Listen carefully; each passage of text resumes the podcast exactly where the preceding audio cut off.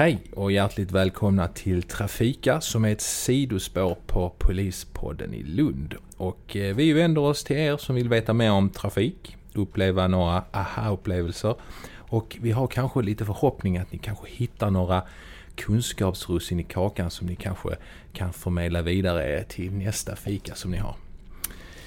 Idag så ska vi prata om elfordon och för att få ordning på detta så har vi ju med oss eh, Gregor Nilsson som är förundersökningsledare på trafikenheten i Lund. Hej Gregor! Hej Magnus, hej! Välkommen till vår Trafika-podcast här. Hur tar du dig till jobbet på morgonen? Använder du sådana här elsparkcyklar som man kan hyra? Nej, det gör jag inte. Jag har testat en sådan en gång, en kort sträcka. Eh, men nej, jag cyklar dagligdags i ur och skur och även i snöstorm. Ja. Är du alltid sådär så att du är, är helt i linje med dig själv och eh, mår bra och eh, är skön på morgonen så stressar inte upp dig? Ja, det är väl lite väderbetonat såklart, eh, måste jag väl erkänna. Att eh, skiner solen då då skiner jag också. Men gör det inte det så är det inte så kul att cykla. Nej, okej. Okay. Så då vet ni om ni träffar på eh, Gregor Nilsson i, i, i cykelspåret där. Du, eh, WHO har en rekommendation att man ska gå runt 10 000 steg per dag. Eh, hur får vi det på våra elfordon undrar jag ju. Ja det blir tufft. Det blir jättetufft för att de tar sig fram precis överallt. Har man väl hyrt en sådan kan jag tänka mig att då kör man ju från dörr till dörr eller så långt man kan. Och sen är det väldigt praktiskt. Det är bara att ställa sig från den och så lämnar man den. Mm. Så det är, ja. Men jag tänker, nej men självfallet och vi är ju inga per, personliga tränare här ju Greger utan vi tänker ju bara berätta lite om eh, vad som gäller för de här. Eh, för det är många som undrar nämligen. Ja det förstår jag och det är väl upp till var och en hur man tränar så det ska vi inte lägga oss i. Men nej, precis. tips. Ja precis. Men frågeställningen är ju då liksom, får eh, de här elsparkcyklarna köra på trottoaren? Ja, elsparkcyklar är rätt så nytt påfund och eh, nu vimlar det av det i Lund ju. Eh, och det är nog olika uppfattningar vad man tycker om det här. Praktiskt fortskaffningsmedel eller nedskräpning i stan. Jag har hört allt. Eh, det som gäller är att är att beteckna som en cykel och de ska följa de regler som gäller cyklar. Dock är det ju vissa undantag eh, som att man eh, faktiskt, tror det eller ej, så får man då framföra den på trottoar. Men mm. då får det inte gå fortare än i gångfart. Men eh, varför hyr man då en sån elsparkcykel om man ändå ska gå med den? Eh, nej, precis. Eh, jag har inte sett någon som har gått så långsamt. Eller de, de susar alltid förbi en ju. Ja, för, för jag, jag, kan ju förstå dilemmat för att eh, där är, det går fort på trottoarer. Eh, det går ju fortare än till exempel cyklar. Ja, vi vet ju att cyklar cyklar också på trottoaren eller cyk, de som framför cyklar. Men, men just de här går ju väldigt fort. 25 kilometer eller 20 eller vad, vad får den gå i? Ja, den får lov att gå i 20. Eh, men det hänger också lite grann på vikten på den som står på den. Då kan jag tänka mig att, eh, att 20 gör den kanske när det står en normalviktig person på 70 kilo. Eh, är det någon som är lite lättare så kan den säkert komma upp i 25 ju. Mm. Och är det någon som är lite tyngre så kanske den går lite långsammare. Ja. Så, men, men där är gränsen. Den får inte gå, alltså, den får inte gå fortare än 20 då? Den får inte vara konstruerad till att gå fortare än 20. Nej. nej. Och går den fortare, då är det helt annat ett annat fordon. Och då kommer det upp eh, först och främst till en klass 2-moped. Och då krävs det ju behörighet, ett körkort. Mm.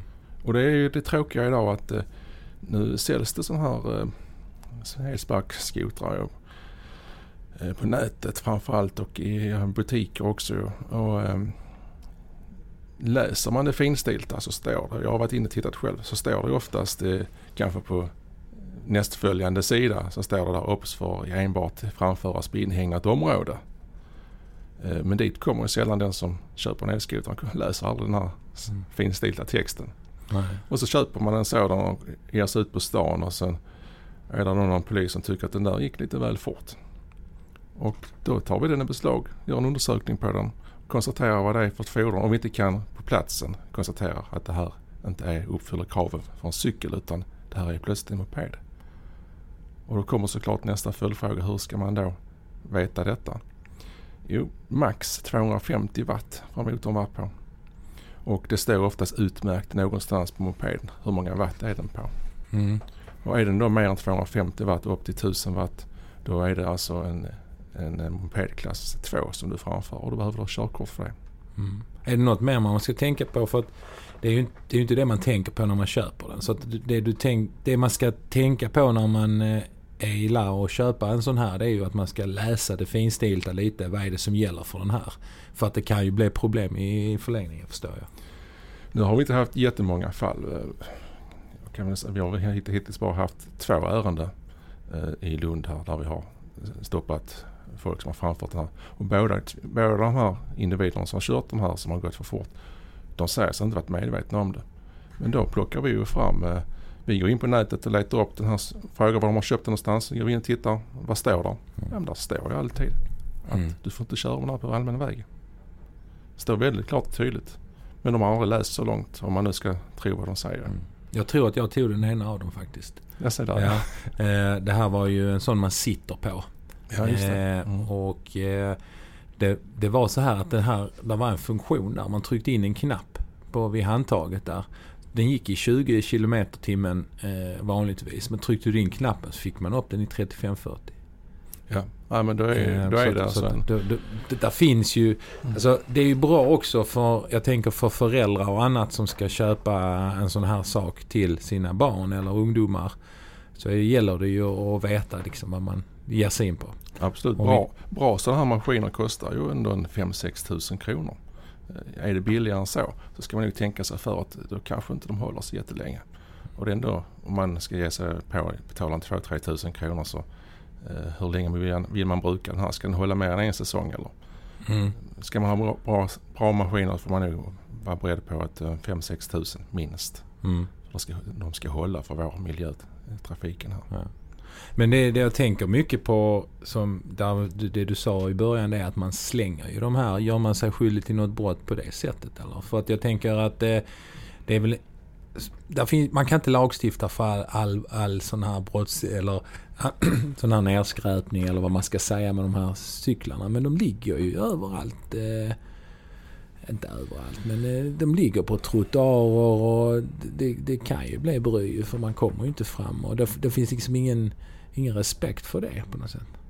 Nej, jag har också sett att de ligger som du säger precis överallt. Mitt, i, mitt på trottoaren, mitt i, ja, i dikena och över, ja, precis var som kan de hamna någonstans. Ju. Nej, och det, är- det är inte lagstiftat om detta. Eh, visst, en cykel ska du ställa upp ett cykelställ. Och eh, gör du inte det så kan ju faktiskt kommunen om, omhänderta cykeln och eh, också för att lösa ut den. Och så sker ju också i rätt så eh, i både Stockholm och Malmö har jag läst om i tidningen att där tar de hand om de här elskotrarna som ligger slängda. Så får ju hyrföretagen lösa ut dem för 500 kronor. Mm. Och det är bara för att försöka få lite ordning på det hela. Jag tror ju det här kommer, vi kommer inte bli av med de här elsparkskotrarna. De är, de är här nu för att stanna. Men eh, med lite smartare lagstiftning och eh, med lite smartare teknik som kommer komma framöver så eh, kommer vi kunna styra upp det här till, ett- till ett bra sätt där tekniken kommer att styra den här elsparkcykeln så att den kommer att veta var den är någonstans. Så Mm. är den på en trottoar så kommer den att veta att då ska jag inte gå fortare än 5-6 km i timmen. Och eh, kommer jag till stadsparken, ja då, ska den, då kommer den bara att eh, dö bort motorn för då får du inte lov att köra där. Mm. Så att eh, tekniken kommer att hjälpa till att det här kommer att bli en bra produkt så småningom. Vi är inte där riktigt nu. Men det kommer. Hur ser eh, olycksfallsstatistiken ut här i Lund? Jag vet ju att det har varit någon dödsolycka med de här inblandade. Men jag tänker, eh, har, har vi haft något sånt här? Vi har ju haft eh, ett par olyckor, eh, inte med några svårare skador hittills vad vi känner till i alla fall. Och jag är inte så övertygad om att vi kanske i alla lägen får reda på de här olycksfallen heller. när det kommer till sjukvården. Eh, det är väl bara när det är mer än en part inblandad. Singelolyckorna kommer sällan till polisen. Utan det är mer när det har skett kollision med två parter som polisen blir inblandad. Och där har vi haft ett, vi har haft något fall där, och det har dessutom varit då två på den här elsparkcykeln som körde rakt in i en bil. Och, eh, och där är det ju cykelregler som gäller. Du, eh, det är- ställs vissa krav för att du ska kunna ha passagerare på en cykel. Eh, ålder, alltså maxålder på passagerarna och i det här fallet så var de ju för gamla. Så att, eh, och den är inte, ut, eller inte byggd på det sättet som krävs för att det ska vara godkänd av passagerare heller.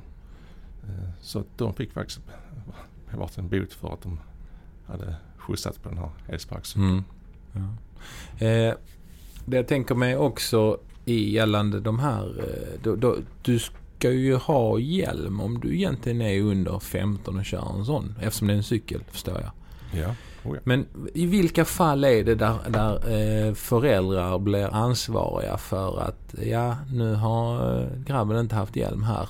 Kan man bara komma hem till föräldrarna och säga ja, nu får ni böter här?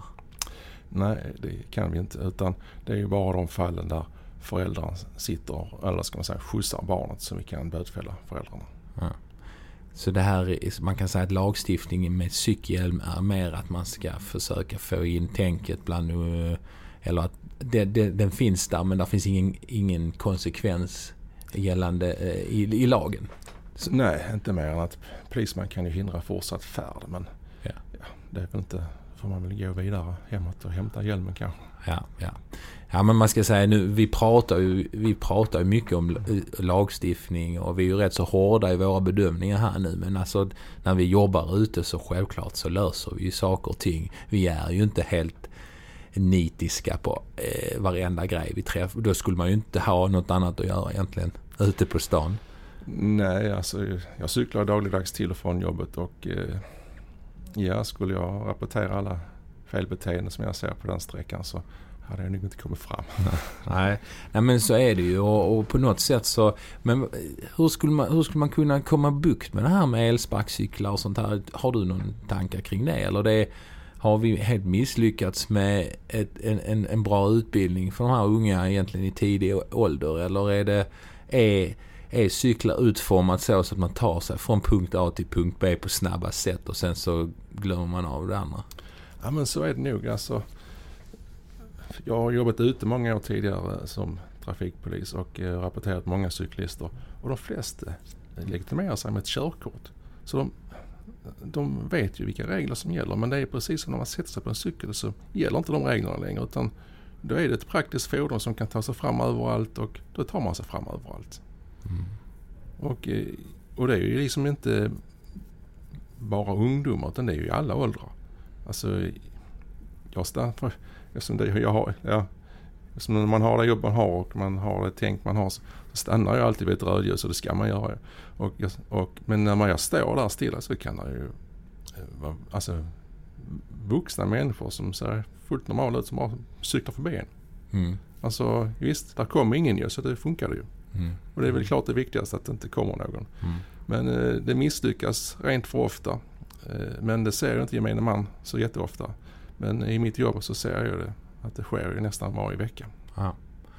Men eh, ja, det är ju ingen, eh, det är inget vi löser här på en podd på 15 minuter ju. Det, så är det ju. Men, men hur som haver, det är ju, eh, jag vill ju ändå hävda att de här trafikundervisningarna vi hade med närpoliserna på 70 80-talet, de, de, de bar ändå frukt på något sätt tyckte jag. Men ja, det är kanske jag som är nostalgisk, inte vet jag.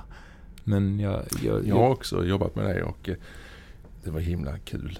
Alltså att lära, vi siktade in oss på 50-klassare och var ute på skolorna och hade cykelundervisning. Och vi gjorde upp en liten teknikbana de fick cykla på och vi, vi informerade om hur cykeln ska se ut och vi, vi besiktigade cyklarna. Och så fick de ett godkännandemärke att sätta på sin cykel med polisemblem på. Mm. Det var jätteuppskattat. Mm. Sen var det lite jobbigt ibland såklart när det var barn som då kom med cyklar som inte var godkända. Ja. Alltså, hur ska man då göra liksom? Och, men då brukar vi säga att nu får du prata med mamma och pappa att det här måste fixas och nu har vi gett det här märket till, till, till din lärare. Så när det är klart så, så får det av läraren här sen. Ja, det var en bra lösning. ja, det är ju... Ja, man, ja, nej som sagt det är ju viktigt. Men, eh, ja, nej, men det, ja, det bådar ju gott. Vi kanske kan eh, hoppas att vi någon gång i, i, framöver kan, kan komma tillbaka till någon form av undervisning på det sättet. För det är alltid gott att få prata med en polis och få relationer med de här ungarna i tidig ålder. Så såklart. Eh, finns mycket positivt att säga om en, en sådan utbildning. Ja, det var ett bra forum att träffa ungdomarna i att de lärde sig att det, att vi är vanliga människor som man kan prata med. Så att de, eh, det inte blir en stor grej att kunna gå fram till en polis på stan och, och prata med dem. Utan man Mm. visste att men det, är, Mm. det är som pappa eller mamma där hemma att prata med dem. Precis. Jag ser ju till exempel de här, om vi ska återgå till elsparkcyklarna så är det ju de som kör på ett hjul. Jag ser ju ofta en eh, man komma med en sån här eh, läderportfölj och så står han på den och så kör han. Och så tänker jag, jaha, och så kommer mitt, min polishjärna igång där och så tänker jag, var ska han ha belysningen och var ska han ha reflexerna och var har han ringklockan? Mm. Eftersom det är ju de kraven man ska ha på en cykel. Dagtid så är det krav på en cykel att du ska ha ringklocka och du ska ha en eh, färdbroms. Alltså en broms på, på cykeln. Och det är det ju på de här elskotrarna också. Jag har testat det en 50 meter ungefär. Det är väl allt vad min Mm. erfarenhet sträcker sig till. Men eh, jag kan garantera att det var en väl fungerande broms på den jag provade i alla Och fall. även, även den, det här är ju ett hjul. Hur funkar det? Då, det är ju mer, en segway-aktigt. Att man lutar sig kanske. Tror Ja, jag. förmodligen ja. Att Ja. det är en eh, retardationskraft Mm. av något slag. Ja. För vad ska han sätta cykelljuset då Gregor? Ska han sätta det på magen? Ja, det kanske kan vara en lösning. Det ska för- sitta på en fast eh, på cykeln. Men eh, ja, Det, är ju svårt med hjulet Mm. för att där är ju ingen sån anordning. Så tänker jag, fast vi är ju inte ogina så, men då har man ju ändå försökt göra en bra lösning. Har man bara försökt att, så att man syns i trafiken, det vill säga att du har den på dig. Där hinner ju inte lagstiftningen med heller. Har du den på dig och det, där är kanske en röd lyse på ryggsäcken eller något annat som man för, för man rör sig rakt ju. Det är ju värre när man har kanske på hjälmen, om man nu har hjälm. Att har du en fast sken på en hjälm så när du tittar på sidorna så försvinner ju ljuset. Så det, är ju, det ska ju helst vara så att det hela tiden är fast. ja det, det är viktigt. Och, och i de här fallen där det inte är helt, är helt hundra rätt så tar inte, vi rapporterar inte dem utan vi tar ett snack med dem och förklarar för dem att det är det här som gäller. Mm. och förklarar varför det är så. Eh, Och det är likadant med folk som har blinkande framlampor. Det ska vara fast sken framåt. Gult eller vitt sken. Eh, Det blir också att man säger till dem. Det viktigaste är att man, att man syns Ja. för att vi ska förebygga olyckor. Och det är inte bara för att man ska synas för, för bilar utan det är även för andra cyklister och gående. Ja du, eh, fantastiskt. Det var första avsnittet och eh, nu får vi inte mer från den här 25-öringen Gregor. Eh, jag tänker, eh, ja vi hörs väl snart igen då och så lyfter vi väl på båtmössan och så tar vi fram vår innersta Ernst i trafikbruset. Ja, så tar vi en kopp kaffe. Ja, och så tar vi en kopp kaffe. Ja, ha det bra Gregor. Tack så mycket. Hej hej. Hej!